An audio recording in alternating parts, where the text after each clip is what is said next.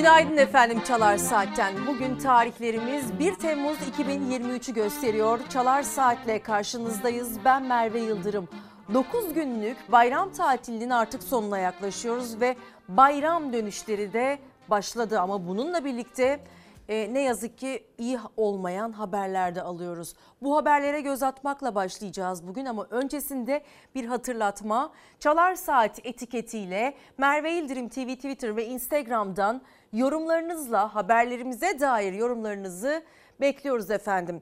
Tabii ki önemli bir haftaya giriş yapıyoruz. Özellikle memurlar, emekliler için önemli bir hafta ve aslında bu bayram arasıyla birlikte biraz yavaşlayan siyaset gündeminde bazı noktalarında netleştiğine tanıklık edeceğiz. Hem muhalefet cephesinden hem de iktidar cephesinden özellikle kurultay tarihleriyle ilgili ya da başkanlık seçimleriyle ilgili, yerel seçimlerle ilgili yol haritalarını daha yakından takip ediyor olacağız. Ama pazartesi günü itibariyle özellikle piyasaların haftaya nasıl başlayacağı en önemli gündem konumuz olacak. Şimdilik dönüşler için bir kez daha uyarıda bulunalım. Çünkü üst üste kaza haberleri aldık. Bayram dönüşleri başlayınca kaza haberleri ne yazık ki arttı ve İzmir'de meydana gelen bir kaza 4 canı hayattan kopardı. 21 kişinin ise yaralanmasına sebep oldu. Sıkışma var. Sıkışma var çabuk. İki araç kafa kafaya çarpıştı. Kaza 4 canı hayattan kopardı. 5 kişinin ağır, toplam 21 kişinin yaralandığı kazada ortalık adeta savaş alanına döndü. Ona ihtiyaç var mı? Yok abi geçebiliriz. Bayram dönüşleri başladı. Gidişlerde olduğu gibi kaza oranları arttı. Kazanın adreslerinden biri İzmir'in Menderes ilçesi oldu. İzmir'den Torbalı istikametine doğru seyir halinde olan otomobilin sürücüsü direksiyon hakimiyetini kaybetti. Refüjü açtı, karşı şeride geçti. O sırada seyir halinde olan bir minibüste kafa kafaya çarpıştı. Çarpışmayla birlikte otoyolda can pazarı yaşandı. İki araçta toplam 25 kişi vardı. İkisi kazada olay yerinde hayatını kaybetti. İki kişi de hastanede. Dört can yitip giderken beşi ağır 21 kişinin hastanedeki tedavisi sürüyor. Düzce'de de benzer bir kaza yaşandı. İki aracın kafa kafaya çarpışması sonucu iki kişi hayatını kaybetti. 11 kişi yaralandı.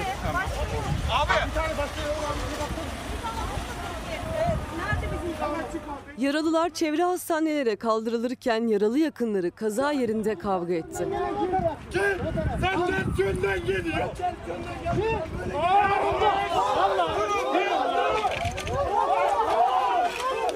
Kocaeli'nde ise zincirleme kaza kilometrelerce trafik kuyruğu oluşturdu.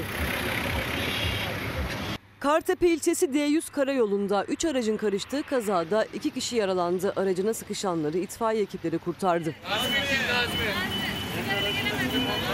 Bayram dönüşünde en çok kullanılan yol D100 karayolunun İstanbul istikametinde trafik durma noktasına geldi. Saatlerce oluşan otomobil kuyruğu kaza yapan araçların kaldırılmasıyla sona erdi.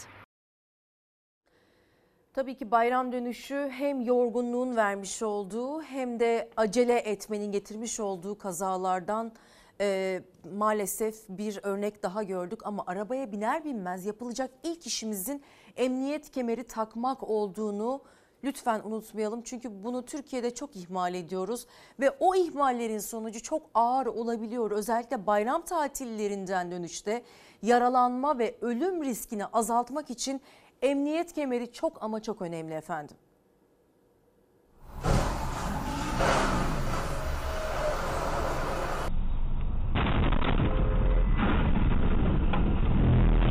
Belki burunları bile kanamadan kurtulacaklardı bu kazalardan ama emniyet kemerleri takılı değildi. 3 kazada 12 kişi yaralandı. Takılı olmayan kemerler nedeniyle 3 aylık bir bebek hayatını kaybetti. İstanbul Esenler'de bir araç sürücüsü direksiyon hakimiyetini kaybetti. Hızlıydı, duramadı. Park halindeki İETT otobüsüne çarptı. Kaza sırasında ön tarafta oturan yolcu ve sürücünün kemeri bağlıydı. Ama arkada oturan yolcular ihmallerinin bedelini ağır ödedi. İkisi de araçtan fırladı.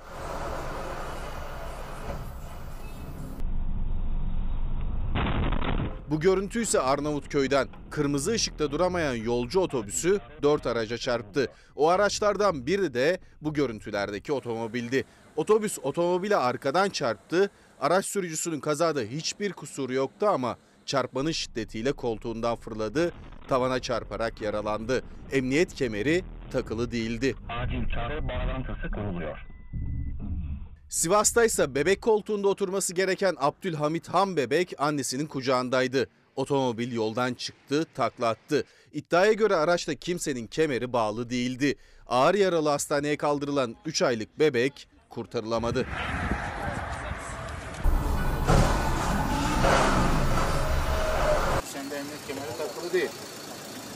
Can güvenliğin bu kadar mı ucuz? İşte bu görüntüler tekrar etmesin, yeni can kayıpları yaşanmasın diye emniyet güçleri de kontrolleri arttırdı. Özellikle bayram dönüşü şehirler arası yollarda yaşanacak yoğunluk nedeniyle tehlike daha da artıyor. Riski azaltmak için yola çıkan herkesin emniyet kemerini takması şart. Kemeri takmanız gerekiyor. Kendi can güvenliğiniz yok. Yanınızdaki babanızın can güvenliği yok. Ve Türkiye'de özellikle arka koltukta oturduğumuzda emniyet te- kemeri takma alışkanlığımız yok ne yazık ki. Bu konuda da lütfen hassasiyet gösterelim. Özellikle arka tarafta oturan çocuklarımız için mutlaka emniyet kemerinin takması gerekiyor. Bazen trafikte görüyoruz kasketsiz motosiklet kullananlar var. Bazen görüyoruz ki ön koltukta oturtulan çocuklar var. Hatta şoför koltuğunda bile çocukların eğlenmesi adına e, bazen ebeveynler onları yanlarına alabiliyorlar. Bunlar çok tehlikeli hareketler. Lütfen dikkat buyurunuz efendim. Milyonlarca kişi tabii ki tatil bölgelerine akın etti ama bayramda tatil için bütçe ayıramayanlar da vardı. Ve onlar da İstanbul gibi mega şehirlerin güzelliklerinin keyfini sürdü diyebiliriz aslında. 16 milyonluk mega kentte Kurban Bayramı'nın 3. gününde tarihi ve turistik bölgeler doldu taştı. Şehir hatları vapurlarında yer kalmadı ve sahil Boğaz hattında ilgi de çok yoğundu. Yollarda uzun e, araç kuyrukları oluşsa da İstanbul'da şehir dışından gelen misafirler de oldukça fazlaydı. Keşke bu kadar açık olsa İstanbul gibi şehirlerde her zaman trafik ama nüfus yoğunluğu oldukça fazla olduğu için ne yazık ki bunlar özlenen görüntüler oluyor. Manisa'dan geliyoruz. Sadece gezmek için geldik. Güzel yerleri görmek için. Merhabalar, deniz nasıldı? Deniz çok güzel. Şartlar el vermiyor. İstediğimiz gibi tatillere gidemiyoruz. Emekliyim 25 yıl çalıştım. Şu anda Türkiye'de hiçbir tatil yerine gitme imkanım yok. Bu nedenden dolayı İstanbul'da işte böyle sahile geliyoruz. Evden kaçıyoruz. Hanım şunu istiyor, bunu istiyor. Emekliyim alamıyorum ne yapayım? Fettah Deniz emekli. Geçim şartlarını, hayat pahalılığını bayram gününde unuttu. Kendini Boğaz'ın serin sularına bıraktı. Tatile gidemeyen, İstanbul'u boşken gezmek isteyenler özellikle tarihi meydanları, sahilleri doldurdu bayramın üçüncü gününde. Vapurlar, tramvaylar doldu taştı. Yollarda uzun araç kuyrukları oluştu. Hava da güzel. Kurbanlarımızı da kestik. Şu anda bayram olduğu için boşaldı. Biz de boşluğu değerlendirip İstanbul'u gezmeye geldik. Kız Kulesi'nden sonra Yerebatan Sarnıcı'na gideceğiz. Ayasofya Camisi'ne gideceğiz. Allah nasip ederse. Gezeceğiz. Kurbanlar kesildi, akraba ziyaretleri tamamlandı, sıra gezmeye geldi. İstanbul'da özellikle yeşil alanlar sahil hattı en kalabalık günlerinden birini yaşadı. İstanbul'da bayramda toplu taşıma ücretsiz haliyle ilgi de araçlara çok yoğun. Özellikle de vapurlara. Üsküdar Eminönü vapurundayız. Vapurda iğne atılsa yere düşmez. Vapur tıklım tıklım dolu. Bayağı bir yoğunluk var. Bedava olduğu için abi. Eminönü yapacağız abi. Sonra Ümraniye devam. Vapurlara binebilen şanslıydı. Binlerce kişi dakikalarca kuyrukta bekledi. Sahillerde neredeyse boş alan yoktu. Bayramın üçüncü gününde İstanbul'un en yoğun noktalarından biri de Üsküdar Salacak Kız Kulesi'nin karşısında. Bu manzaranın tadını aslında İstanbul'a şehir dışından gelenler çıkarıyor. İşte Sakaryalı Sevinç ailesi. Onlar da kurdukları bu sofrayla İstanbul'un bayramda tadını çıkarıyorlar. Sakarya'dan geliyoruz Feriz ilçesinden. Kafeterya olsun bir e, lokantaya olsun girme şansımız yok. Biz tabii yüksek gelirli insanlar olmadığımız için. Ekmeğimiz var, zeytin var, peynir var. Özellikle şehir dışından gelenler bayramda İstanbul'a gelmişken Kız Kulesi'ni de ziyaret etmek istiyor ama uzun bir kuyruğu göze almaları gerekiyor. Kız Kulesi e, sırası dedik gelmişken bir görelim. Uzaktan geldim. Kuyruğa gireceğiz mecbur çocuklar için. Bütçe yok şehir dışına gitmek için. Memuruz. Burada vakit geçirmeye çalışıyoruz. Tarihi camiler, meydanlar doldu taştı. Burası Eminönü Meydanı. Banklarda bile yer yok. Çok kalabalık, bayağı kalabalık var yani. Bayram gezmesinde bir lokantaya, bir restorana yemek için bütçe ayıramayanlarsa simitle öğünü tamamlamak zorunda kaldı. Karnımız falan acıktı. Hani yatıştırmak için falan simit falan aldık. Ama genel olarak fiyatlar gerçekten çok pahalı. Tabii sıcak havaların bastırmasıyla birlikte ormanlık alanlardan da yangın haberleri almaya başladık. Hem hava sıcaklığının artması hem de insanların aslında umursamaz davranışları yüzünden yine yangın tehdidiyle karşı karşıyayız. Bu kez adresler İzmir, Edirne ve Şanlıurfa. Ormanlık alan saatlerce yandı. Alevler 10 hektarlık alana yayıldı. İzmir Menemen'de çıkan yangına 6 uçak, 4 helikopterle havadan, 25 arazöz, 6 su ikmal aracı ve 7 dozerle karadan müdahale edildi. 3 saatlik yoğun savaşın ardından alevler kontrol altına alındı. Şanlıurfa'da ise ekili arazi yandı. Tam 60 dönüm buğday yok oldu. Şanlıurfa'nın Hilvan ilçesinde bir biçer döver alev aldı. Otluk alana yayılan kıvılcımlar ekili alanları tutuşturdu. Rüzgarın etkisiyle alevler yayıldı. 60 dönümlük buğday ekili arazi kullanılamaz hale geldi. Edirne Keşan'da da buğdaylar yandı. Tam 100 dönüm ekili alan yok oldu. Keşan Orman İşletme Müdürlüğü, Beğendik Belediyesi ve Yeni Muhacir Belediyesi ekipleri ekili alanları kurtarmak için canla başla mücadele verdi. 2 saatlik yangın tam 100 dönüm ekili alanı yok etti. Yangının çıkış sebebi araştırılıyor. Gazete manşetlerine göz atmaya başlıyoruz. Karar gazetesini hemen yönetmenim Hilal'den rica ediyorum ve kendisi şak diye hemen bize ulaştırıyor. Bir millet tebessümü unuttu. Bu bir araştırma ve çok önemli bir araştırma olduğunu düşünüyorum. Çünkü e, Amerika Birleşik Devletleri'ne ait bir araştırma şirketi geçtiğimiz yıla ilişkin olumlu deneyim endeksinden düşündüren bir sonuç çıkarmış efendim. Katılımcılara dün kendini coşku dolu hissettin mi? Yeterince güldün mü? gibi sorular yöneltmişler ve yaşamları boyunca en az olumlu deneyim yaşayan ülke Afganistan olmuş. Daha da çarpıcı olan listede harap haldeki ülkenin bir üstünde ise Türkiye var. Ne yazık ki Afganistan'ın sadece bir tık üzerindeyiz. Lübnan, Bangladeş, Etiyopya gibi ülkelerin sıralamada Türkiye'nin üstünde yer alması da çok dikkat çekici.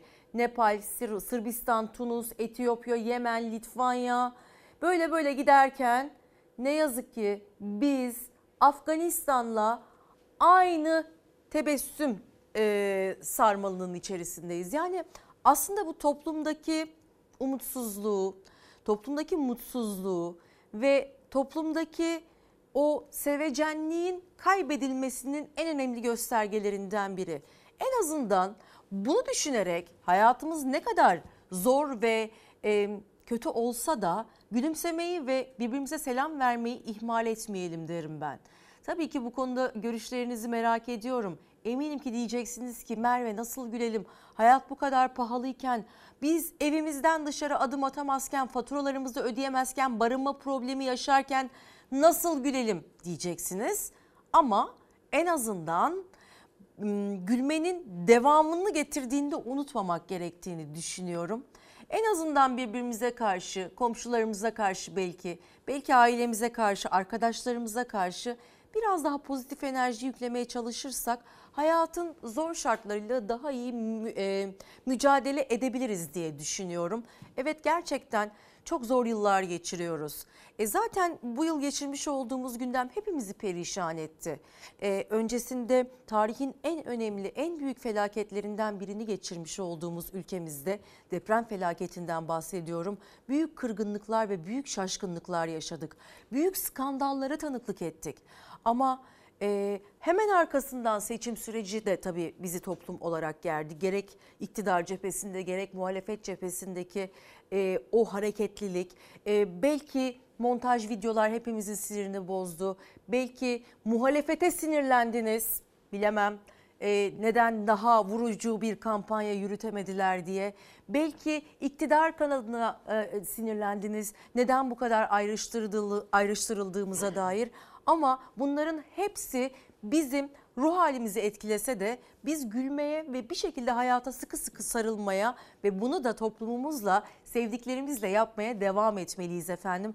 Bu araştırmanın sonucu dilerim ki önümüzdeki yıllarda bizim medeniyeti yüksek olarak nitelendirdiğimiz ülkeler arasında yer aldığımız ülke adımızla son bulsun. Efendim Tabii bunun yanında gülümsemeyi unutmuşken bir de şiddet sarmalının içerisindeyiz. Ne yazık ki Nevşehir'de bir hasta ve yakınları yine sağlıkçılara saldırdı. Oysa o hastanın hayatını sağlıkçılar kurtarmıştı ama o ve yakınları teşekkür etmek yerine saldırmayı seçtiler. Benzer görüntüler artsa da uyarılar peşi sıra gelse de ülkede hiçbir şey değişmiyor. Yine sağlık çalışanları, yine yumruklar, tekmeler. Şiddetin adresi Nevşehir oldu. Hayatını kurtaran sağlık çalışanlarına teşekkür etmesi gerekirken o ve yakınları tekme ve yumruklarla sağlıkçılara saldırdı. Trafik kazası yapan Muratçı ambulansla Nevşehir Devlet Hastanesi'ne getirildi. Yaralının yakınları onu görmek istedi ancak sağlık çalışanları içeride bir kadın hasta olduğunu ifade ederek beklemelerini istedi. Ne olduysa uyarıdan sonra oldu. Cerrahi müdahale odasına girmek isteyen yaralı yakınları güvenlik görevlileri ve sağlıkçılarla önce sözlü tartışmaya girdi. Ardından saldırı başladı. Yaralı olan Murat C. de sedyeden kalktı. O da sağlık çalışanlarını darp etti. Sağlıkçılara tekme ve yumruklarla vuran saldırganları önce hastane çalışanları müdahale etti. Ardından hastaneye çok sayıda polis ekibi geldi. Saldırganlardan ikisi ifade sonrası tutuklanarak cezaevine gönderildi. Hemen sizden gelen birkaç mesajı okumak istiyorum. Çalar Saat hafta sonu etiketimiz. Çalar Saat olarak söylemiştim ama Çalar Saat hafta sonu olarak bu etiketle Merve İldirim TV, Twitter ve Instagram'dan bize yorumlarınızı, mesajlarınızı ulaştırabilirsiniz efendim. Recep Kocabıyık diyor ki emeklilikte 17 yıl cezamızın kalkması için mücadele ediyoruz. Bize destek olur musunuz? Kademe geliyor diye sözlerine devam etmiş. Kademeli emeklilikle ilgili günlerdir aslında çokça mesaj alıyoruz. Buradan da yetkililere duyurmuş olalım. Mehmet Öğüt diyor ki asgari ücret bir ailenin geçinebileceği fiyata çekilmeli. Emekliye emekli olduğu yılda kaç asgari ücret maaş bağlandıysa o maaş verilsin herkes için eşit adalet. Ama sorun şu ki zamlarla, asgari ücrete yapılan zamlarla, emekliye yapılan zamlarla e, biz hayat standartlarımızı yükseltemiyoruz. Çünkü enflasyon gibi bir problemimiz var. Türk lirasındaki değer kaybıyla ilgili çok büyük problemlerimiz var ve ekonomi politikalarıyla ilgili sıkıntılarımız söz konusu. Zaten bunu da her kur artışında ne yazık ki acı acı tecrübe etmeye devam ediyoruz. Yani Nebati'den kalan belki, belki Berat Albayrak'tan kalan o ekonomi politikaları, dünyanın hiçbir yerinde olmayan ekonomi politikalarının sonuçlarının aslında bedelini Türk halkı ödüyor. Ama e, kabinenin değişmesiyle birlikte Mehmet Şimşek yeniden o rasyonel zemine oturtabilmek adına ekonomi politikalarını bilimsel akılla e, adımlar atmaya gayret ediyor. En azından bunu da belirtmiş olalım. Efendim Kurban pazarlarına gidiyoruz. Bayramın üçüncü gününde de hareketliydi kurban pazarları. Bir yandan satış vardı bir yandan da artık yavaş yavaş kurbanlık çadırlarını toplamaya başladı besici. Fiyatlar üçüncü günde iyice düştü diyebiliriz. Hayvanları elinde kalmasın isteyenler zararına da olsa satış, e, satış yaptılar ve küçük baş hayvan fiyatı 10 bin liradan 4 bin liraya düşmesine rağmen pazarlıklar devam etti. Kurbanını kestirenlerse etlerini parçalatmak için kasaplardaydı. Büyükbaş falan alamıyoruz. Geçen seneler büyükbaş alıyorduk. Şimdi uçmuş fiyatlar. İlk gün bu fiyata verebilir miydiniz? İlk gün e, bu fiyata verme şansımız yoktu. İlk günlerdeki fiyatı 7 civarıydı. E, 5,5'a verdik abi. Bayramın 3. gününde kurbanlık fiyatları düştü. İbadetini son günlere bırakanlar kısmen daha uygun fiyata aldılar hayvanları. Kurban pazarları da toplanmaya başladı. Fiyatlar nasıl? İlk gününe göre, arefe gününe göre biraz daha uygun. Düşmüş yani. 4 bin lira, 5 bin lira, 6 bin lira. En pahalısı 6-6,5'a kadar var yani iyi yani uygun. Bayramın 3. gününde önceki günlere nazaran fiyatlar daha uygun. Alıcılar kurbansız kalmamak için 3. günde de pazarda yoğunluk oluşturdu. Ama uygun fiyatlara rağmen pazarlık yine kaçınılmaz oluyor. Kaç para bu Basri? Bu 6,5 Mustafa Kaç? 6,5. Altı buçuk. E biz isteriz ki beş buçuğu alalım. Bize kaç söyleyeceksin? Sana 6'ya uyar Mustafa abi. 6 yaparım sana. Altı bak, altı diyor. En son Sondur Mustafa abi. en son bir şeyler. Sondur, sondur. Ya çok sondur ya. ya. Sondur ya. Çok be abi. Ya Mustafa abi ya gözünü seveyim 6 iyidir ya. Siz kaç liradan düştünüz 6500'e? 8'den düştük abi. Üçüncü gün indirme Pazarlıksız bir şey olmaz yani. Bizim şeyimizde var, örfümüzde, adetimizde var yani. İstanbul Bahçeli Evler'deki kurban pazarında küçükbaş kurbanlıkların fiyatı 4 bin liraya kadar düştü. Arife günü 10 bin liraya satılıyordu küçükbaşlar. Hayvanları ellerinde kalmasın diye her geçen gün fiyatları düşürdü besiciler. Nasıl fiyatlar? Yem parası belli, mazot parası belli, emek belli. Biraz düşme var. İnsanların elinde kalan malların biraz daha fiyatları düşüyor tabii doğal olarak. İnsanlar elinden çıkarıp gitmek istiyor. 5500 lira aldık orta boy bir koç yani. 35 civarı hayvanım var. Ee, onları da satabildiğimi satacağım. Et pahalı. Şu anda çekimler de ucuz tutup kesen olmamış herhalde bu sene. Görüyoruz zaten hayvan pazarlarından da hayvanlar geri gidiyor. Yüksek kurban fiyatlarından kasap da dertliydi. Kesilen kurban etlerinden kilogramı 10 liraya kıyma yapıyor, paketliyorlar. Bu sene bekledikleri taleple karşılaşmadılar. Kıyma çektireceğiz, eti çektireceğiz. Kilosu 10 liraymış. Daha önceki bayramlarda böyle sıra falan olurdu. Çok oluyordu evet. Bu sene yok. Hatta bazı kasaplar kapalı. Kurban bayramlarında kasapların en büyük geliri kıyma çekimi ve et parçalanması oluyordu ama bu bayram kasaplar umduklarını bulamadılar. Önceki bayramlara nazaran yoğunluk çok azdı. Kurban fiyatları onlar da pahalıydı. Daha dolu oluyordu, sıra oluyordu. Bu sene böyle her şeye zam geldiği için. İstanbul İl Tarım ve Orman Müdürü Ahmet Yavuz Karaca da et parçalama işleminde merdiven altı yerlere karşı uyarıda bulundu. Terzide, e, tekel bayinde kurban şey kıyma çekilir ibaresi olan merdiven altı yerlerde kesinlikle yaptırmamalarını istiyoruz. Enfeksiyon olarak kendilerine döner. Az önce tebessüm etmenin, gülmenin ne kadar e, önemli bir şey olduğundan bahsettik. Yapılan bir araştırma çünkü Türkiye'nin tebessüm etmeyi, gülmeyi unuttuğunu gösteriyordu. Ama bazen yaşadığımız acılar sonrasında da hayata tutunmak adına diğerlerinin yüzünde bir tebessüm oluşturabilmek adına önemli adımlar atabiliyoruz. İzmir depreminde ikizlerini yitiren bir anne gelecek şimdi ekrana. Çocuklarının adını yaşatmak için bir vakıf kurdu o ve vakıf Adıyamanlı çocuklara bayram hediyesi olarak park hediye etti. Belki de o annenin milyonlarca çocuğa hediyesi bu. Evet hızlı daha hızlı. Sokak oyuncakları, ipler, toplar, topaçlar, işte e, holo hoplar gibi bu oyuncakları da getirdik ve tabii ki bayram ikramlarımızı getirdik kendilerine. Mutlu her gün gelip akşamları her zaman gelip. Bu bayramı çocuklara parkla beraber getirdik. İzmir depreminde ikizleri Sayra ve Çınar'ı kaybetmişti. Kaybından sonra kendisini çocuklara adadı. 6 Şubat depremini yaşayan Adıyamanlı çocuklara bayram hediyesi olarak park armağan etti. Yarım kalan bir hikayeden bahsediyoruz. Bir değil iki hikayeden bahsediyoruz aslında. E, şu anda benzer bir e, sorunla karşı karşıya buradaki çocuklar. Biz o çocukların nasıl yaralarını sarabilirsek, nerelerinden yara bandı olabilirsek ona bakıyoruz. Tülin Batmaz'ın ikizleri Sayra ve Çınar Alp Gündüz 30 Ekim 2020'de yaşanan İzmir depreminde hayatını kaybetti. 15 yaşındaydılar. Acılı anne çocuklarını sonsuzluğa uğradıktan sonra bir karar verdi. Onlar gitti ben kaldıysam bunun bir anlamı olmalı düşüncesiyle kolları sıvadı. Başka çocukların da hayalleri yarım kalmasın diye bir vakıf kurdu. Sayra ve Çınar Vakfı. O vakıf aracılığıyla da bugüne dek çok sayıda çocuğun yüzünü güldürdü. 1400 kilometre yakın bir yol kat ettik. 17 kişi geldik vakıf olarak. Ee, bu insanlar tamamen gönüllü olarak buradalar. Tülin Batmaz en son Adıyaman'da depremzede çocukların yanındaydı. Bir çocuk parkı açtı. O park daha ilk günden böylesine dolup taştı. Yani çocuklar o kadar masumlar ki yani e, çok masum bir tane var ikinciyi alabilir miyim diyecek kadar masumlar. Onların sevinçleri, mutlulukları, coşkuları zaten sizi bir kat daha bir sonraki adıma daha taşıyor. Çok mutlu oldum. Yani benim annem ben o durumda olsam benim annem de aynı şeyi yapardı.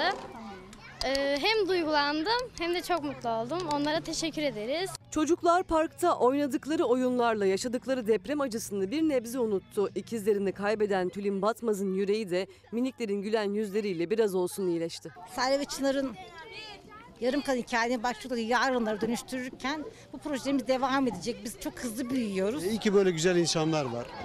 İyi ki böyle insanlarla tanışıyoruz. Hakikaten çok mutlu olduk. İşte hayata tutunmak için verdiğimiz mücadelenin en önemli göstergelerinden biri bana kalırsa bu. Çünkü bazen yaşadığımız acı ne olursa olsun hayata tutunmak için sebepleri arıyoruz. Evet belki e, yaşadığımız sıkıntıların ve yaşadığımız acıların e, bize öğrettiği çok şey oluyor ve başka insanların hayatına dokunmak inanın bana o acılardan sonra insanın yüreğine su serpen en önemli unsurlardan biri oluyor. O annenin tabii ki başı sağ olsun acısı hiçbir zaman gitmeyecek ve günden güne büyüyen bir acı derler evlat acısı için. Ama e, en azından o başka çocukların yüzünü güldürebilmesi ve böyle bir vakıf kurabilmesi gerçekten takdire şayan diye düşünüyorum. Ama depremlerle olan ucuz ölümler konusunda daha çok yol kat etmemiz gerekiyor. E, bilim insanlarına kulak vermediğimiz için bu zamana kadar ve kentsel dönüşüme değil rantsal dönüşüme ne yazık ki yatırım yaptığımız için biz bu acıları her defasında tekrar tekrar yaşamak durumunda kaldık. Bir gazete detayı sizinle paylaşmak istiyorum hemen. Cumhuriyet gazetesinden gelecek bu çarpıcı detay. Beton ufalanıyor, demir eksik. Hacettepe Üniversitesi Kahramanmaraş depremlerinden etkilenen illerde enkazları inceledi ve raporda yapılarda elle ufalanabilecek kadar düşük kalitede beton kullanıldığı, demirlerin yetersiz olduğu vurgusu yapıldı ve uzmanlar güçlü kiriş, zayıf kolon yıkıcı oldu tespitinde bulundu. Ve 6 Şubat depremleri sonrasında bölgede konut sıkıntısı yaşanmaya başlandığı için Adana'da az hasarlı evler iç ve dış tadilatı yapılıp satılmaya başlandı. Aynı şey sadece o illerimizde değil büyük şehirlerde risk altındaki bölgelerimizde de söz konusu. Tabii 6 Şubat depreminden sonra herkes bir şekilde evini kontrol ettirmek istedi ve hemen acaba benim evim de sağlam mı değil mi bunun bir test edilmesi lazım eylemine girişti. Ve pek çok bina gördük ki yeni görünmesine rağmen, yeni yapılmasına rağmen depreme dayanıksız. Bu konuda da özellikle, özellikle İstanbul Büyükşehir Belediyesi Kiptaş'ın çok önemli çalışmaları oldu. Ee, maliyetine yenilemek adına çünkü zaten konut ve inşaat maliyetleri ciddi anlamda yükseldi. E dolara bağlı olduğu için kurlarla ilgili olduğu için kimsenin de zaten şu anda çoğu kişinin toplumun büyük bir kesiminin şu anda o kredileri ödeyecek ya da o masrafları karşılayabilecek bir maddi gücü elinde bulunmadığı için e, işine yaradı. Kiptaş'ın bu yol haritası. Ama Çevre ve Şehircilik Bakanlığı'nın da e, en azından deprem sonrasında bazı adımlarının biraz daha hızlandığına tanıklık ediyoruz ama yine de şunu söylemek istiyorum. E, yıllardan beri aynı iktidarla yönetiliyoruz ve aynı parti tarafından yönetiliyoruz. Bu işin sorumlusu iktidar partisi ve buradan da tüm bakanlarımıza, Sayın Cumhurbaşkanımıza seslenelim bir kez daha. Lütfen kentsel dönüşümü hızlandıralım ve barınma krizinin önüne geçebilmek adına atılması gereken adımları atalım Sayın Cumhurbaşkanım. Efendim İstanbul'dayız tekrar. İstanbul'daki siyasi çekişme, otizm ve zihinsel engelli çocukların da hayatına gölge düşürdü diyebiliriz. Çünkü İstanbul Büyükşehir Belediyesi'nin şirketlerinin yapıp işlettiği spor merkezi meclis çoğunluğu kararıyla AK Partili ilçe belediyesine tahsis edildi. Karar İstanbul Büyükşehir Belediyesi tarafından mahkemeye taşındı ama sonuç değişmedi. Tesise zorla boşaltma yazısı gönderildi ve otizmli çocukların aileleri konut siyaset üstü diyerek belediye başkanlarına seslendi. Dı kızı gibisin ya. Resim. Bayağı bir fark etti tabii ki. Bir gün gelmese ağlıyor haydi gidelim diye. Bakalım yine oraya bir avuç insan mı kullanacak yoksa e, özel çocuklarımız mı kullanacaklar bunu hep beraber göreceğiz. Yani insan bazen böyle kendi kendine siyaset böyle bir şeyse batsın mı siyaset diyor. Onların hayatındaki en ufak bir dönüşüm bile e, çok ciddi travmalar yaratıyor. İstanbul Büyükşehir Belediye Başkanlığı'nın değişmesiyle başlayan siyasi çekişme engelli çocukların hayatına kadar uzandı. İstanbul Büyükşehir Belediyesi şirketi Kiptaş'ın yaptığı Büyükşehir Belediyesi'ne bağlı Spor İstanbul'un da işlettiği otizmli çocuklara hizmet veren merkez meclis çoğunluğuyla AK Partili ilçe belediyeye tahsis edildi. Mahkeme süreci de bitti. İstanbul Büyükşehir Belediyesi'ne zorla tahliye kararı gönderildi. Derslerin bittiğini öğrenen otizm ve zihinsel engelli çocukların ve ailelerin bayramı gölgelendi. Aileler olarak çok üzgünüz. Çocuklarımız burada hem sosyalleşip hem sportif faaliyetlere katılıyorlardı. Biz ailelerde kendi dertlerimize derman arıyorduk. Tahliye tebligatını alan İstanbul Büyükşehir Belediyesi ekipleri engelli spor merkezini boşaltmaya başladı. Peki bundan sonra ne olacak? Engelli çocukların ailelerine işte bu sorunun yanıtı hala verilmedi. Zaten muhalefetin iddiasına göre bu sitede AK Partili siyasiler oturuyor. Spor merkezinin bir kapısı da zaten eski Kiptaş yönetimi tarafından yaptırılan bu özel siteye çıkıyor. Halkın hiç bilmediği, tabelasının bile doğru düzgün asılmadığı bir tesisti. İstanbul Büyükşehir Belediyesi'ni Ekrem İmamoğlu aldıktan sonra halka açmak istediği için mi Ümraniye Belediyesi şimdi bunu tekrar sahiplenmek istiyor? Sosyal tesis oradaki site yönetimine ait değil Kiptaş'ın malı idi ve dışarıya açık da bir yerdi. İBB meclisinde AK Partililerle CHP'lileri karşı karşıya getiren gayrimenkullerden biri de Yeşil Vadi Spor Tesisiydi. İddiaya göre İstanbulluların parasıyla yapılan ve işletilen spor merkezi site içinde kaldığı için sadece sakinlerin kullandığı bir spor merkezi oldu. Ama İBB'nin kasasından da milyonlarca lira çıkmaya devam etti. Sadece o sitede oturan ayrıcalıklı bir avuç, e, çoğunluğu AK Partili milletvekilleri yönetici, ortalama 150 kişinin kullandığı bir tesisti. Her bir kişi için 6500 TL masraf yapılmış yıl boyunca ki o günlerde İstanbul'un en lüks spor kulübünün yıllık aidatı 3500 Türk lirasıydı. Yılda 2,5 milyon TL para ödemiş. Bunu gördükten hemen sonra biz tesisi kapattık. Zihinsel engelli e, bireyler için özel bir tesis haline getirdik. Korkularını yensin diye başladık. Duş alamıyordu. Şimdi iyi bir yüzücü ol- oluyor. Artık yarışları hazırlayacaklar. Yedim, İzmir'de yedim, kalkmıyorum, üzüyorum. Dört duvar arasında korkularına hapsolan çocukların bu tesiste hayatı değişti ama siyaset değişmedi. Yerel mahkeme İstanbul Büyükşehir Belediyesi'nin dese de istinafta AK Partili Ümraniye Belediyesi'ne tahsis kararı çıktı. Zorla boşaltılacak yazısı da gönderildi. İstanbul Büyükşehir Belediyesi tesisi bu hafta sonu tamamen boşaltacak. Ailelerse çaresiz. Oldukça verimli e, bir eğitim süreci içerisindeydi benim çocuklarım. Geçen hafta gittiğimizde Ümraniye Belediyesi'nin devri olduğunu duyduk. Tesisimizi e, aynı şekilde aynı formatta devam ettireceklerini duymak istiyoruz kendilerinden. İşte Türkiye'deki en büyük problem de bu. Ne yazık ki iktidar partisi İstanbul, Ankara gibi büyük şehirleri kaybettikten sonra özellikle bu belediyelerde özellikle de İstanbul Büyükşehir Belediyesi'nde yapılan her türlü hizmete e, bir şekilde önünü kesmek adına bazı adımlar atıyor. Ama madem ki e, amaç siyasette Türkiye Cumhuriyeti vatandaşlarına hizmet etmek, koşulsuz vermek o zaman niçin ayrım yapılıyor? Bunu da sorgulamak zorunda olduğumuzu düşünüyorum efendim. Ee, ne yazık ki bunu en çok da İstanbul Büyükşehir Belediyesi'nin yapmış olduğu hizmetlerinin önüne e, set çekilmesinde daha fazla görüyor ve tanıklık ediyoruz. Tabii ki önümüzdeki yerel seçim sürecinde Sayın Cumhurbaşkanı Erdoğan'ın en e, önemli ve en e, hırslı olduğu noktalar İstanbul, Ankara, İzmir, e, diğer e, şehirler, e, büyük şehirlerin yeniden geri alınması ve e, e, iktidar partisine, AK Parti'ye e, geçmesi ve bununla ilgili de çalışmalara başlandı bile. Ama keşke e, bu süreçte de e, hizmette görev başında olan belediyelere de parti ayrımcılığı yapılmasaydı bu Türkiye'nin ne yazık ki gelmiş olduğu noktada hepimizin canını sıkan ve o çocukların ne yazık ki hayatını çokça engelleyen kararlardan biriydi efendim. Şimdi gelelim birazcık ekonomiye. Önümüzdeki hafta çok ama çok önemli. Çünkü önümüzdeki hafta pazarlıklarla ilgili çokça gelişme var. Yeni Çağ gazetesinden ilk detayımızı veriyoruz.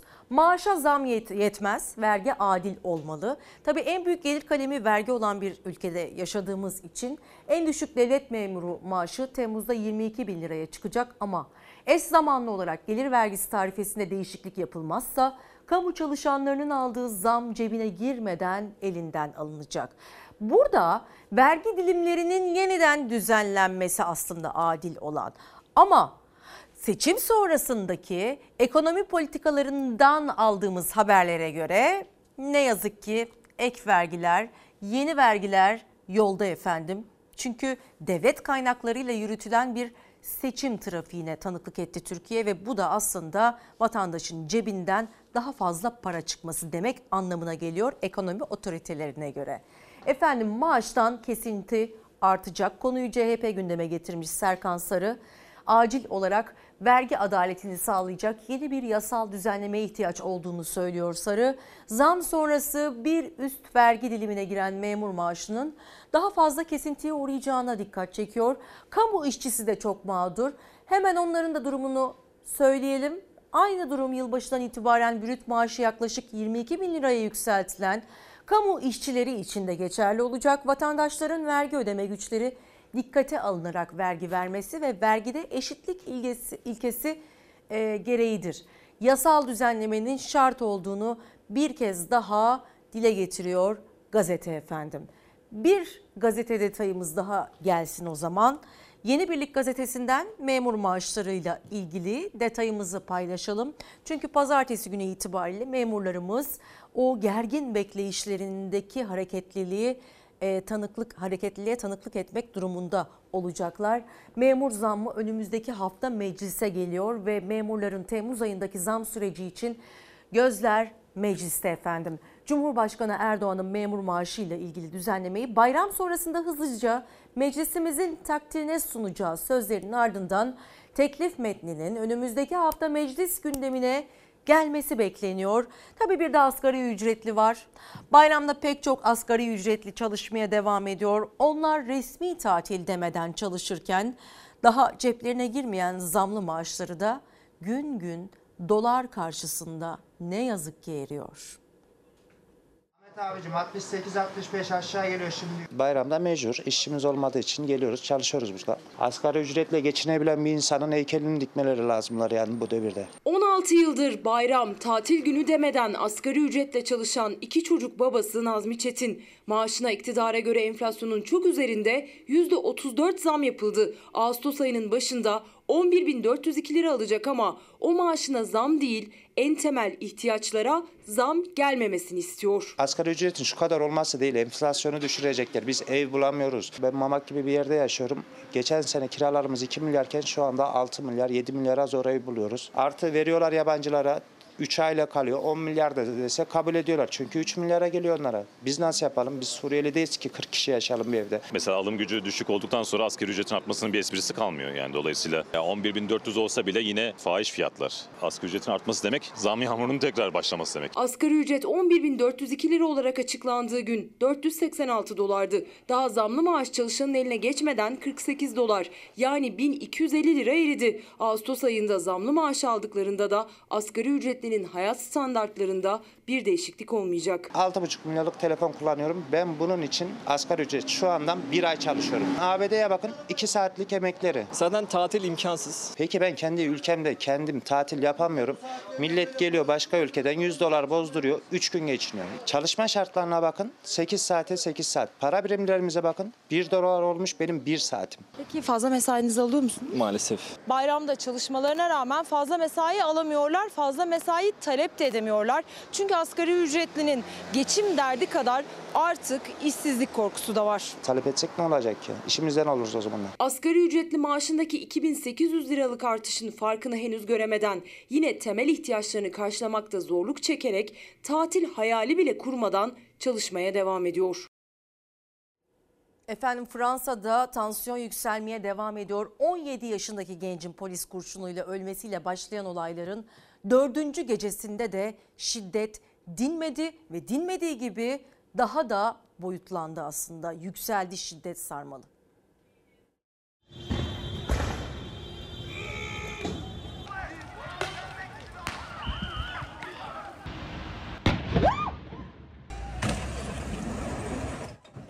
Yaşındaki genci öldüren polis tutuklandı ama fayda etmedi. Fransa yangın yerine döndü. Olaylarda ilk ölüm gerçekleşti. Türkiye'nin Paris Büyükelçiliği Fransa için seyahat uyarısı yaptı. Ülkedeki Türk vatandaşlarının şiddet eylemlerine karşı dikkatli olmaları istendi.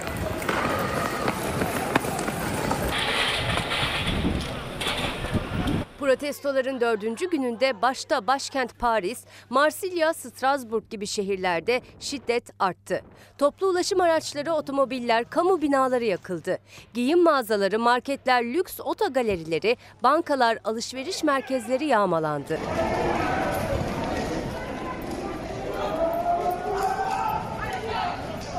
Protestoları bastırmak için 45 bin polis sokaklardaydı. Marsilya'da ekipler yetersiz kalınca belediye başkanı takviye kuvvet talep etti.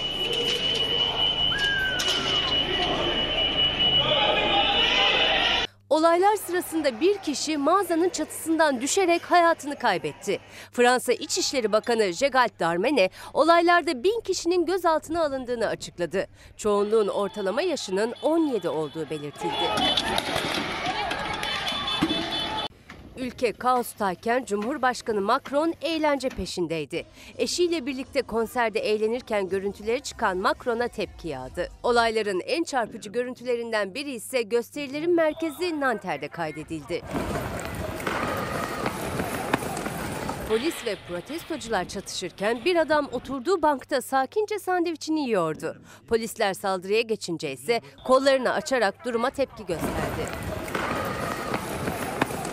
Olayların sıçradığı Belçika'da protestolar sürdü. 80 kişi daha gözaltına alındı.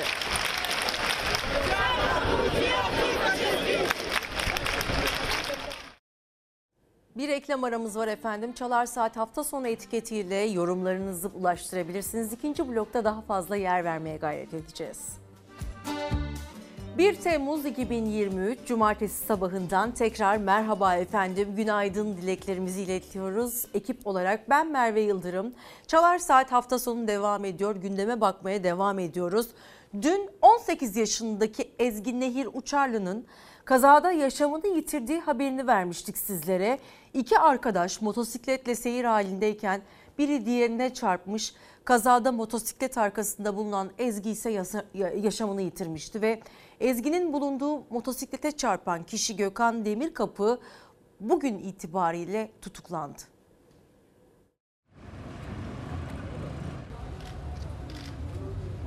Ezgi Nehir Uçarlı 18 yaşında bir genç motosiklet kazasında yitirdi yaşamını. İhmal, umursamazlık. Ezgi'nin ölümüne yol açan motosiklet sürücüsü tutuklandı. Ezgi'yi tanıyor muydunuz? Dün akşam tanışmışsınız galiba. Eskişehir'de gece saat 2 sularında meydana geldi o feci kaza. 30 yaşındaki Gökhan Demirkapı kendi kullandığı motosikletle motosikletli arkadaşı Ruşen Can'ı sollamak istedi. Ezgi motorda Gökhan Demirkapı'nın arkasında yolculuk yapıyordu. Sollama sırasında çarpışma gerçekleşti. Kazada motosiklette yolcu olarak bulunan 18 yaşındaki Ezgi Nehir Uçarlı olay yerinde hayatını kaybetti. Kaskı da vardı Ezgi'nin ama koruyucu ekipmanları da onu korumaya yetmedi. Çarpışmanın şiddetiyle yaşamını yitirdi. Kazaya sebep olan ve yaralanan Gökhan Demirkapı hastanedeki tedavisinin ardından tutuklandı. Demirkapı'nın kaza sırasında alkollü olduğu tespit edildi. Taksirle ölüme neden olmak suçundan tutuklanarak cezaevine gönderildi. Ezgi'yi tanıyor muydunuz? Dün akşam tanışmışsınız galiba. Milyonlar Kurban Bayramı'nda ibadetini gerçekleştirdi ve kurbanını kesti, yardımını da yaptı. Ama Bursa'da 1700 kişi hayatlarının şokunu yaşadı. Bir restoranla kurbanlık hissesi için anlaşmıştı onlar ve etlerini almaya gittiklerinde donmuş, tarihi geçmiş, işlenmiş etlerle karşılaştılar ve iş yeri sahibinden şikayet olmak, şikayetçi olmaktan başka bir şey gelmedi ellerinden. Buyur. Bakın şöyle bir bakın. Buyur. Bakın şöyle. Bugün kesilmiş et donmuş kardeşim. Abi şunu da gösterir misin? Buyur. Salama bırakın. Söylenilenle önümüze konanların gerçeklikle hiçbir ilgisi yok. Kurban eti böyle mi oldu kardeşim? Biz sucuk pastırma mı istedik ondan adamdan ya? Kurban eti beklerken koli koli salamla sosisle karşılaştılar. İbadetlerini yerine getirmek isterken dolandırıldılar. Bursa'da binlerce kişi kurbanlık etlerini almaya gittiklerinde donmuş etle karşılaşınca sinirler gerildi. Bursa'nın Osman Gazi ilçesinde 1700 kişi kurbanlık için bir et restoranıyla anlaştı. 7100 lira karşılığında hisse için restorana vekalet verdiler. 7100 liraya 22 kilo karşılığında e, bir hisse satın aldık. Buyurun makbuzum burada. Geldik hayvanımızı da gördük. 56 küpe numaralı hayvanımız da burada. Geldiğimizde farklı bir manzara ile karşılaştık. Ne kadar para vermiştiniz? 7104 tane hisse 28400 lira verdim. Günler önce anlaştıkları restoran sahiplerine paralarını verdiler, makbuz da aldılar. Bayramda etlerini teslim almak için geldiklerinde yeni kesilmiş kurban etiyle değil, iddialarına göre kesim tarihi belli olmayan dondurulmuş ya da çürümüş etle karşılaştılar. Kurban kesseniz. Kestik verdik paraya 7100 lira para aldılar bizden. Fiş verdiler. Geldik ki hazır et. Kıyma diye içine koydukları şey sadece yağdan ibaret. İnanılmaz bir durum. Bin kişi var. Bin kişinin mağduriyeti aynı. Herkesi aynı şekilde dolandırmış adam. Dolandırıldıklarını iddia edenler iş yeri sahipleriyle karşı karşıya geldi. Tartışma çıktı. Olaya polis müdahale etti. Müracaatlar alınacak Peyder Bey. Şu an burada Şimdi bunları analizini yaptıracağız. Çünkü bize söz verilen veya vaat edilenlerle hiçbir alakası yok. İçinde ne et olduğu belli değil. Dondurulmuş. Bu kurban olmaz. Binlerce kişi iş yeri sahibinden şikayetçi oldu. Bursa İl Tarım Müdürlüğü ekipleri ise numune aldıkları 4,5 ton eti etiketsiz olduğu gerekçesiyle imha etti. Kasıtlı olarak dolandırıcılık vardır burada. Bize kokmuş et getirildi. Dondurulmuş bir şekilde. Biz bunu kabul etmek istemiyoruz. Mağduruz. Efendim Hürriyet gazetesinin manşetinde önemli bir detay var. Günlerdir, haftalardır konuşuyoruz. Korhan Hoca senaryoları başlığı altında Korhan Berzek 17 Haziran sabahı çıktığı yürüyüşten evine dönemedi. Mehmet Şimşek'in de hocasıydı kendisi ve arama çalışmalarını sürdüğü Balıkesir'in Gönel ilçesine gitti e, Hürriyet muhabiri Aziz e, Özen. Sır olayın izini sürdü, ortaya çıkan ihmalleri yazdı. Ankara'dan gönderilen 15 kişilik özel jandarma ekibi ve 2 kadavra köpeği de aramalara katıldı. Bu süre zarfında 14 günlük süre zarfında hiç kimse umutsuz değil. Korhan Hoca'nın eşi e, aynı zamanda ekiple birlikte aramalardan dönen her ekibi büyük bir umutla karşılamaya devam ediyor. E, hemşerilerini bulmak için arama çalışmalarına köylüler de katılıyorlar. Tek ipucu bile bulunamadı ama Korhan Hoca'dan ve bazı ihmalleri gündeme getirdi bu da unutkanlık yaşıyordu, yolunu şaşırıp çok uzaklara gitmiş olabilir. Köpeği Tina ne olursa olsun hocanın yanında beklemeye eğilimli ve e, bu yüzden eve dönmedi. Fidye için kaçırılmış olabilir. Ani gelişen bir olayın sonucu olarak başına bir felaket gelmiş olabilir. Bu tabii ki ihtimaller dahilinde. Hazine ve Maliye Bakanı Mehmet Şimşek'in de hocası kendisi ve dünyada ekonomi konusunda adını duyurmuş ender profesörlerimizden biri. 83 yaşındaki Korhan Berzek 15 gündür kayıp ve Aramaya katılan ekiplerin sayısı artmasına rağmen Korhan Hoca'dan halen bir iz yok. Buradan gittiğimiz zaman bizim o bahsettiğimiz uçurumlu yere çıkacak O bir özel köpek çünkü o bir doberman. Belki bir yolda attılar. 15 gün geçti. Dünya cünlü ekonomist Korhan Berzeg'i arama çalışmaları için Ankara'dan 15 kişilik jandarma komando özel asayiş komutanlığı ekibi de Balıkesir Gönen'e sevk edildi. Kaybolduğu yer çevresindeki ormanlık alan defalarca karış karış arandı. Ancak ne 83 yaşındaki profesörden ne de köpeği Tina'dan bir ize rastlandı. Doberman cinsi eğitimli köpeğin eve dönmemesi de Berzek ailesini şüpheye boğuyor. Korhan Berzek'in doğada bir kaza geçirdiğinden çok kaçırıldığına inanıyorlar artık. Soruşturmanın derinleştirilmesini istiyorlar. Köpek kayboldu. O bir çok garip şey. Yanında köpeği olduğu için ormanlık bölgeye çıkıyormuş. Yürüyüş alanını belki 3-4 sefer taradık. Maalesef bir ize rastlayamadık. Hazine ve Maliye Bakanı Mehmet Şimşek'in hocası Dünya Bankası'ndan emekli Profesör Korhan Berzek Amerika Birleşik Devletleri'nde yaşıyor. Tatil için memleketi Balıkesir Gönen'e geldi. Her gün yaptığı gibi 17 Haziran sabahı köpeği Tina ile yürüyüşe çıktı ama bir daha dönmedi. Ben düşünüyorum kayıp vardı. Ne için bilmiyorum.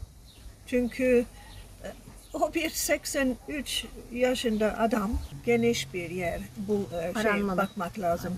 Berzeg'i arama çalışmalarına Ankara'dan 15 kişilik jandarma komando özel asayiş komutanlığı ekibi de katıldı. Ormanlık alan karış karış aranıyor. Hala ne bir iz ne bir ipucu var.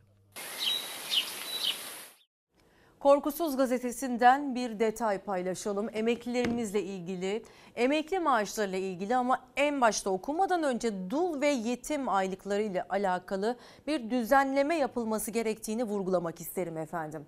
Dış güçlerin emeklileri rahat yaşayıp dünyayı gezerken bizimkiler evden çıkamıyor diyor. Korkusuz gazetesi bu sabah emeklilere kademeli zam nasıl olacak sorusuyla güne başlamış. Dünya Emekliler Günü'ndeki acı tablomuz aslında bu. Avrupa'nın emeklileri ülkemizdeki emeklilerden 5-8 kat fazla maaş alıyor. Onlar emekli olmanın keyfini çıkarırken bizimkiler memleketlerine dahi gidemiyor. Onu bırakın evdeki ihtiyaçlarını bile karşılamakta zorlanan emeklilerimiz var. Dün Dünya Emekliler Günü'ydü. Aynı zamanda bayramdı. Emekliler de her bayramda olduğu gibi bu bayramda da havanı tadını çıkarmak için kendini sokağa attı.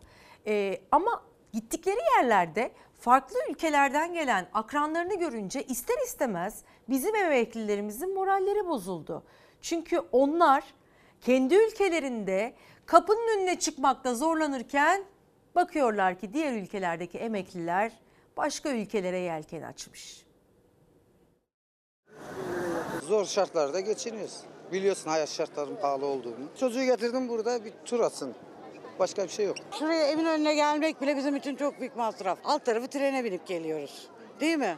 Onu bile düşünüyoruz. We are traveling around Europe. Avustralya'dan geliyoruz. Bir aylık maaşımla tatil yapabiliyorum. Avrupa'nın her yerini geziyoruz. 14 günlüğüne geldik Türkiye'ye. İstanbul'dan gezmeye başladık. Türkiye'nin emeklisi bayram günü bir tur atmaya çıktı dışarıya. O da ulaşım ücretsiz diye. Avustralya'nın emeklisi ise ülkesinden 15 bin kilometre uzakta Türkiye'ye tatil için geldi. 30 Haziran Dünya Emekliler Günü hem de bayramın 3. günü. Havada güzel olunca emekliler de çıktı gezmeye. Ama gezdikleri yerde simit yiyip su içerken gözlerinin önünden yurt dışından tatile gelen akranları geçti. Tatil yapamıyoruz işte. E Neden olsa aldığımız emekli maaşından. Ya yedi buçuktan tatil olur mu ablacığım ya? Yedi buçuktan nereye gideceksin? I'm Czech. Çek Cumhuriyeti'nden geliyorum. Türkiye gayet ekonomik bir ülke. Kesinlikle bir aylık maaşımla burada rahatlıkla tatil yapabilirim. It's very good. Çok iyi Türkiye'de tatil bizim için çok ucuz. Otel ucuz, yemek ucuz. Yurt dışındakiler gelip burada kendi ülkemizde tatil yapabiliyorlar. Ama biz maalesef buradan Kadıköy'e gidemiyoruz yani. Çok işler acısı. Avrupa'dan, Amerika'dan ya da Avustralya'dan gelen emekli için Türkiye ucuz. Para hesabı yapmadan tatilin keyfini çıkarıyor. Türkiye'de ise emekliler yol parasının bile hesabını yapmak zorunda. Ulaşım bedava olduğu için gelebildik. Yoksa nereye geleceğiz? Mümkün mü var gelebilirsin? 6 kişi bizim buraya gelmemiz, sadece bizim buraya gelmemiz 500 lirayı tutardı. I can live very well. I can raise my children. İstanbul gibi şehirlere istediğim zaman gelebiliyorum seyahat için. Eşimle birlikte ve bir rehber eşliğinde güzelce gezebiliyoruz. Ülkenizde neler oluyor görebiliyoruz. Ben 71 yaşındayım. Hala zaman zaman çalışıyorum. Sürekli emeklilik yok. Ama tatilimi de rahatlıkla yaparım. Tatile buradayız. Çalışıyoruz ve bir günlük iznimiz var ancak o kadar. Sefilleri yaşıyoruz. E ben de çocuklarımı alıp yani herkes gibi e, tatile gitmeyi isterdim. Çoğu emekli dinleneceği yaşlarda hayatın tadını çıkaramadan tekrar bir iş bulup çalışmak zorunda. Birçoğunun gözü de Temmuz ayında açıklanacak maaş zamlarında. Çünkü gönüllerinden geçenler kısıtlı bütçeler nedeniyle sınırlanmak zorunda kalıyor. Neydi biliyor musun gönlümden geçen? Çoluk çocuğumu toplayıp köyüme gitmek isterdim, toprağıma gitmek isterdim. Ama maalesef ki gidemedim. Niye? Param olsaydı, imkanlarım olsaydı giderdim. Şu anda bizim yaşam hakkımız yok. Ama nasıl yaşıyoruz? Ahmet Mehmet'e yardım ediyor, o ona yardım ediyor. Bankalarda şuydu budu borçla harçtan vatandaş bir şeyler yapmaya çalışıyor. Sizden gelen birkaç mesajı hemen okumak istiyorum. Sertel Arzuman diyor ki E-Devlet'te görünen ilk işe giriş tarihimiz SSK başlangıcı sayılsın istiyoruz diyor. Bir başka izleyicimiz en düşük memur maaşı 22 bin lira olacak cümlesi dışında bir cümle dahi duymadık. Yani 10 bin, 11 bin lira alan 22 bin lira alacak 15 bin lira alan da 22 bin lira mı alacak? Bu önemli detayı ben paylaşmak istiyorum diyen izleyicilerimizden biri memurlarımız için önemli bir haftaya giriş yapacağız. Pazartesi günü itibariyle tabii ki kur ve piyasalarla ilgili de önemli bir hafta olacak efendim. Ee, başka bir izleyicimiz de Karadeniz'de doğal gaz bulduk ama depremde enkaz altında kalanların bedenini bulamadık. Nadir elementli toprak bulduk ama buğday ekecek toprak bulamadık. Gabar'da petrol bulduk ama SMA hastası çocukların parasızlık nedeniyle ölmesine çare bulamadık diye e, bütün aslında Türkiye gündemini özetleyen bir e, mesaj göndermiş bize. Çiftçimin üretmesini işçimin çalışıp karşılığını almasını, öğrencimin okumasını, hastalarımın iyileşmesini, emeklimin cennet ülkesini gezip görmesini istiyorum diyor. Bu arada Fahrettin Koca'nın bir açıklaması var. 4000 Suriyeli sağlık çalışanı istihdam ettiğimizi söyledi. Sağlık çalışan e, Sağlık Bakanı Fahrettin Koca keşke e, Suriyeli sağlık çalışanları yerine biz kendi sağlık çalışanlarımızı yurt dışına göndermemek, kaçırmamak adına önemli adımlar yapsaydık, atsaydık, atabilseydik bu bence çok değerli bir haber olurdu diye düşünüyorum efendim. Uğur Bıyıklı iddialara göre ruhsatsız olan kömür madeninde çalışıyordu ve göçükte yaralandı. Ve 3 gün sonra yaşamını yitirdi çocuğunu bile göremeden. Eşi Berna Bıyıklı adalet istiyor. Orada sigortası yoktu. Kaçak hocaydı zaten. Ruhsatsızdı. Eşim ilk kez baba olacaktı. Çok istiyordu. Çocuğunu göremedi. Eşimle biz birbirimizi çok seviyorduk. Çok seviyorduk. Anlatamam yani. Benim acım hiçbir zaman dinmez, dinmeyecek. Eşine olan sevgisini ağlamadan anlatması imkansız. Onların hikayesi yarım kaldı. 33 yaşındaki madenci Uğur Bıyıklı'nın çalıştığı kömür madeni iddialara göre ruhsatsızdı. Bıyıklı madende 21 Haziran'da meydana gelen göçükte yaşamını yitirdi. Eşi Berna Bıyıklı adalet istiyor. Benim eşim asla benden bir şey saklamayan bir eşim. Hani benim üzülmemi, incilmemi istemeyen bir eşim vardı. Eşime sürekli sorduğumda bir şey mi oldu dediğimde bana hayır dedi hani üzülmemem için ama bir sıkıntısı olduğunu biliyordu. Bir ton çıkılması gereken yerden 3 ton kömür alınmasını talep etmiş şahıs. Öyle söylendiler. O işlemden sonra kaza meydana geliyor. Berna Bıyıklı ruhsatsız olduğunu söylediği Ocak'ta göçün sebebini de bu sözlerle açıklıyor. Araştırılmasını, incelenmesini, sorgulanmasını istiyor. Kaçak Ocak'ta mecbur kaldı. Yani doğumdan sonra girecekti. Durumumuz olmadığı için doğuma kadar dedi cebimizde para olsun diye ocağa girdi çalıştı. Göçükten çıkarıldıktan sonra 3 gün yaşam mücadelesi verdi Uğur Bıyıklı. Doğacak çocuğu için, gelecekleri için çalışıyordu. Üstelik kazandığı para çıkardığı kömür kadardı. Arayan sorun olmadı. Ee, benim eşim devlet memuru değildi. Ama benim eşim sonuçta şehit oldu. Sonuçta bir emekçiydi benim eşim.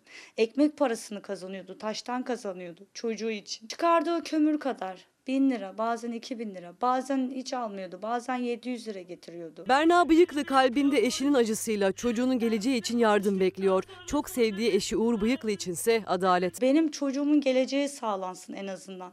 Benim hiçbir sosyal güvencem yok, hiçbir şeyim yok. Soruşturmanın devamının gelmesini talep ediyorum. Ve Bir Gün gazetesinde bu ailenin yaşamış olduğu sıkıntıların ana kaynaklarından birisi var bugün. İşçilere zulümde zirve Türkiye'nin ne yazık ki işçilerin en temel haklarının gasp edildiği, grevlerin yasaklandığı Türkiye bu yılda emekçiler için en kötü 10 ülke arasında yer aldı. Uluslararası Sendikalar Konfederasyonu'nun her yıl hazırladığı Küresel Haklar Endeksinde Türkiye 148 ülke arasında işçilerin çalışma koşulları ve hakları bakımından en kötü 10 ülkenin içerisinde yer aldı. Bangladeş gibiyiz. İşçi haklarına bakılarak hazırlanan raporda Türkiye geçen yılda 10 ülkenin içindeydi ve bu yıl en kötü 10 ülke şöyle. Bangladeş, Beyaz Rusya, Ekvator, Mısır, Estovini, Guatemala, Myanmar, Tunus, Filipinler ve Türkiye. Grevi engellediler tabii ki. Bu da başka bir boyutu. Raporun Türkiye ile ilgili bölümünde işverenler örgütlenmeye çalışan işçilere müdahalede bulundu. Grevler bastırıldı. Sendikacılar tutuklandı ve gözaltına alındı. Sendikalara saldırdı. Bu yıl işçi özgürlükleri ve haklarına saldırılar devam etti denildi. Keşke dünyaya böyle bir haber bırakmasaydık ama e, grev bir haktır. Eylem yapmak bir haktır sosyal devletlerde. Ne yazık ki bunun son yıllarda bir hak olmadığı zamanlardan geçiyoruz. Hatta fikrinizi bile açıkça dile getirmek bazen terörist olarak nitelendirilmenize sebep oluyor. Bu da ne yazık ki artık demokratik bir ülke olma yolunda e, ilerleyişimizin önüne set vuran unsurlardan biri efendim. Amasra'ya gidiyoruz. Amasra'da 43 madencinin hayatını kaybettiği Grizyu patlamasında ihmaller bu kez Türkiye Taş Kömürü Kurumu'nun 2022 yılı faaliyet raporunda gözler önüne serildi.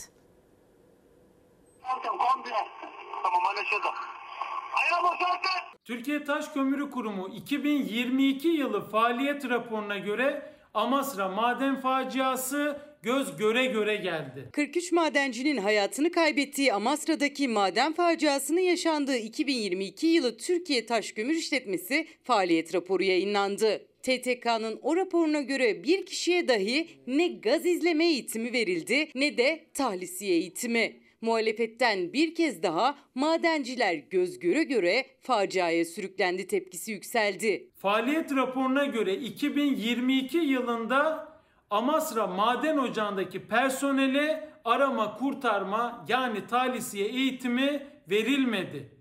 Gaz izleme kursu eğitimi verilmedi. Gaz izleme eğitiminin verilmemesi facianın itirafı gibi. Amasra maden faciası iddianamesinde de meclis araştırma raporlarında da patlamanın nedenleri arasında metan gazı seviyesinin tehlikeli boyutta olması yer almıştı. Tamam anlaşıldı. Raporda TTK sorumluluğundaki Karadon, Kozlu, Üzülmez, Armutçuk'ta tahlisiye eğitimi verilirken Bartın Amasra'daki maden ocağındaysa bir kişiye dahi bu eğitimin verilmediği ifade edildi. Tahlisiye ekibi olmadığı için patlamadan sonra yaralı madenciler de ocağa geri dönerek mesai arkadaşlarını kurtarmaya çalışmıştı. Zonguldak'taki tahlisiye ekibi gelene kadar. Kurumumuz dünya madencilik teknolojisindeki iş güvenliği ve eğitime ilişkin gelişmeleri izleyerek bunların uygulanması için gerekli çalışmaları yapmaktadır. Raporda teknolojideki gelişmelerle ilgili çalışmalar yapılıyor dendi ama birkaç cümle sonra mekanize çalışan ülkelere nazaran Zonguldak Maden Havzası'nda daha çok insan gücü kullanılmak zorunda kalındığı, kaza sayısının bu yüzden yüksek olduğu vurgulandı. Rezervinin %89'u özel bir maden şirketine ayrılmış durumda. CHP'li Deniz Yavuz Yılmaz'a göre madenciler riskler bilindiği halde özel bir şirkete kömür çıkarmak için zorlandı. Faaliyet raporuna Mayıs ayında emekli olan bilirkişi raporunda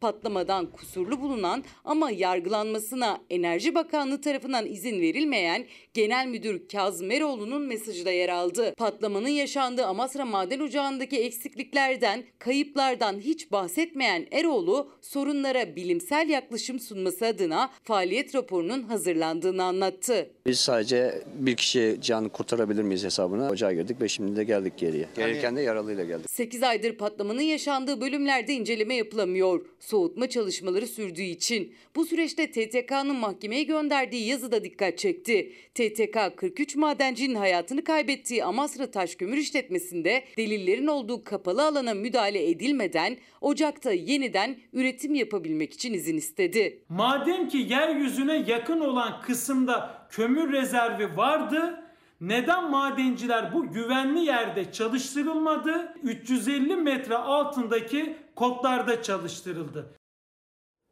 Efendim bir başsağlığı haberi e, vermek istiyoruz. Türkiye'nin Lizbon Büyükelçisi Murat Karagöz hayatını kaybetti. Ailesine ve sevenlerine buradan başsağlığı dileklerimizi iletmek istiyoruz. Kendisinin çok çalışkan bir yurtsever e, olduğunu tanıyanlar dile getiriyor. E, nur içinde yatsın diyelim efendim.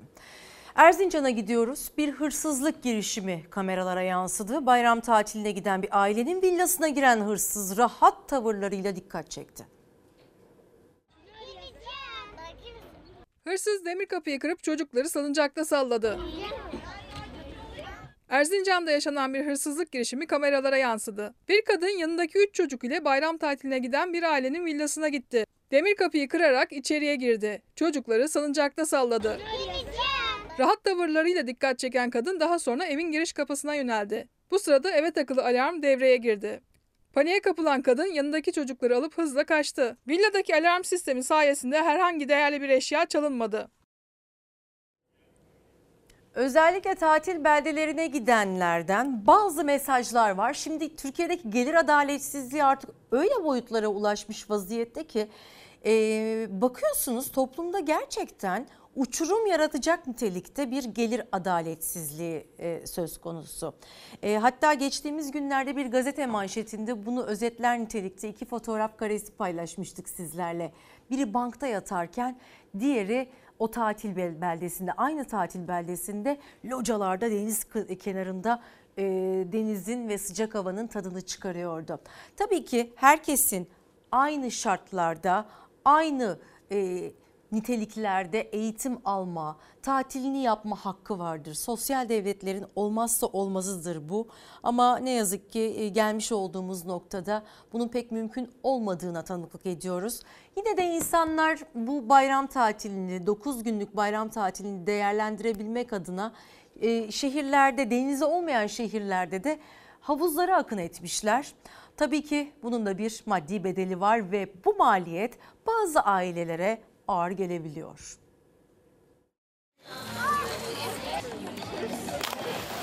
Ankara'da kaldığımız için havuzda böyle gün geçirmeye çalışıyoruz. Çünkü tatile gidemiyoruz çok pahalı. Yani 40-50 binin altında bulamadım ben. 4 kişilik bir aileyiz. Tek maaş geçiniyoruz. Bir deniz tatili. Yapamayacağız zaten o kesin bir şey. Bir de e, hem bebek gelecek zaten bez mama her şey almış başını gidiyor. Bir günlüğüne bari oğlumuzu getirelim diye geldik yani tamamen. Kimi bütün bir yıl gece gündüz çalıştı, kimi işsizdi hayalini bile kuramadı. Deniz tatili için bütçesini denk getiremeyenlerin, Ankaralıların alternatif adresi havuzlar. Ama su parklarının da bütçesi oldukça yüksek. Günlük havuz tatilinin maliyeti 0-7 yaş çocuğu olan 4 kişilik bir aile için giriş ücretiyle en uygun fiyatlı yemeğiyle ve tek bir içeceğiyle minimum 1200 lira. 3 kişi geldik daha 1200-1300 lira bir şey tuttu şu anda. Günün devamı için En kötü bir iki buçuk gider herhalde öyle düşünüyorum. Giriş ücretimiz 300 lira. Bu sezon ilk fiyat tepkisiyle başladık tabii. Eskiden daha e, tatil yapılabilir durumdayken son iki senedir insanlar mecburen tatil ihtiyaçlarını burada gidermek istiyorlar. Ankara'da hava sıcaklığı 25 derece yani acil bir serinleme ihtiyacı gerektirecek kavurucu bir sıcakta yok. Ancak bu ilginin nedeni tamamen ekonomik. Çünkü deniz tatili için bütçesini denk getiremeyenler daha düşük bütçeyle havuzları tercih etmek zorunda kaldı. Son 2-3 senedir maalesef ki e, deniz tatili herkes için hayal oldu. En azından kendimizi burayla avutmaya çalışıyoruz. Ya çünkü iki yetişkin Dediğim gibi 25 bin lira bir haftalı. Ya ben 25 bin lira bir hafta verdikten sonra diğer aylar ne yapacağım? Ortalama havuz ücreti Ankara'da hafta içi 300 lira, hafta sonu 350 lira. Köfte, hamburger menüleri ise 130-140 lira. İçecek fiyatları da öyle. 20 liraya da var, 60 liraya da. Dondurmaysa 15-50 lira arasında değişiyor. Gün boyu havuzda kalınan süre uzadıkça masraflar da katlanıyor. Acıkınca hamburger yemeyi düşünüyorum. Sonra? Sonra belki e, birazcık zaman geçince dondurma alırım. Bugünkü asgari ücretin e, neredeyse dörtte birini harcamak durumunda kalıyoruz sadece bir günde. Yani bir aylık e, sosyalleşme hakkımızı bir günde kullanmak zorunda kaldık. Sırf çocuklar için hani bir değişiklik olsun diye. Sabahtan akşama kadar burada senin bir günlük maliyetin 4,5-5. İnce ince hesap yapıyor aileler. Yapılan masraflar bir günlüğüyle sineye çekiliyor ama bir sonraki günübirlik havuz tatilinin planını yapamıyorlar. Kaç kere daha gelir? Bir daha gelmeyiz. Bugün bu şekilde atlatalım. Bir gün pikniğe gideriz. Bir gün başka bir şey yaparız. İdare etmeye çalışacağız bu yazı bu şekilde. 8 kişi girdik. 1575 TL ödedik. Yani ekonomik şartlara baktığımız zaman e, en uygun yine tatil gidemeyince e, burayı tercih ettik. Sadece vatandaş değil, işletmeciler de elektrik, su, hijyen, temizlik malzemeleri ve personel giderlerinden ve oluşan yüksek maliyetlerden şikayetçi. 1000 tonluk bir suyu temiz tutmaya çalışıyoruz. Yaklaşık 14 personel çalıştırıyorum burada. Bunların giderleri giriş olarak evet yüksek olduğu için maalesef bu fiyatlar. Tabii her ne kadar bazen unutuyor olsak da ülke gündemimizden dolayı siyasetin, ekonomik kriz haberlerinin içerisine gömülüyor olsak da hayat bu haberlerden ibaret değil. Ee, sanat da var hayatta ve vizyonda bu hafta diyoruz efendim. Macera sevenlerin aslında yüzünde güldürecek filmler var. Sinemaya gidebilirsiniz belki tatile gidemediyseniz.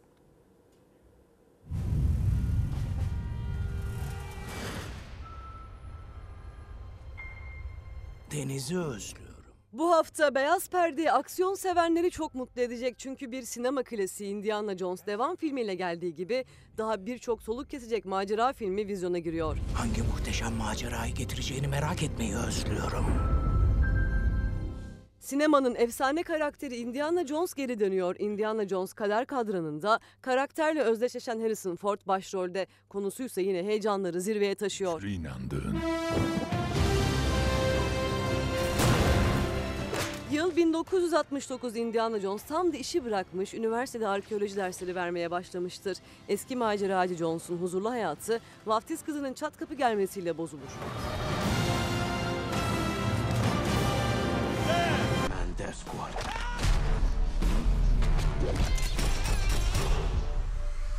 İkinci Dünya Savaşı'nın sonları eski bir asker başka bir ülkede inzivaya çekilmişken yolu Nazi askerleriyle kesişir. Ancak Nazi askerleri onun gerçekte kim olduğundan bir haberlerdir. Sisu nefes kesici hikayesiyle vizyonda. This is about not giving up.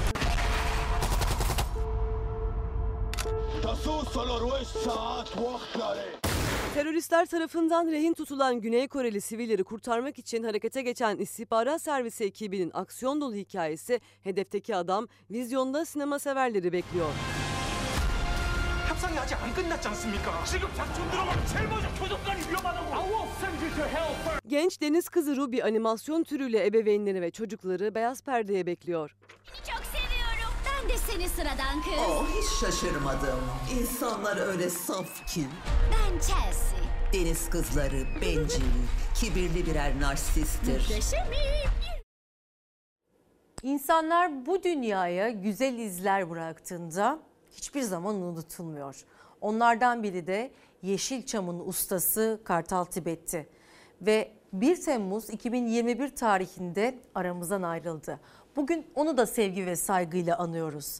Nilüfer'in kadife sesiyle ona bir kez daha sevgilerimizi iletiyoruz. Seni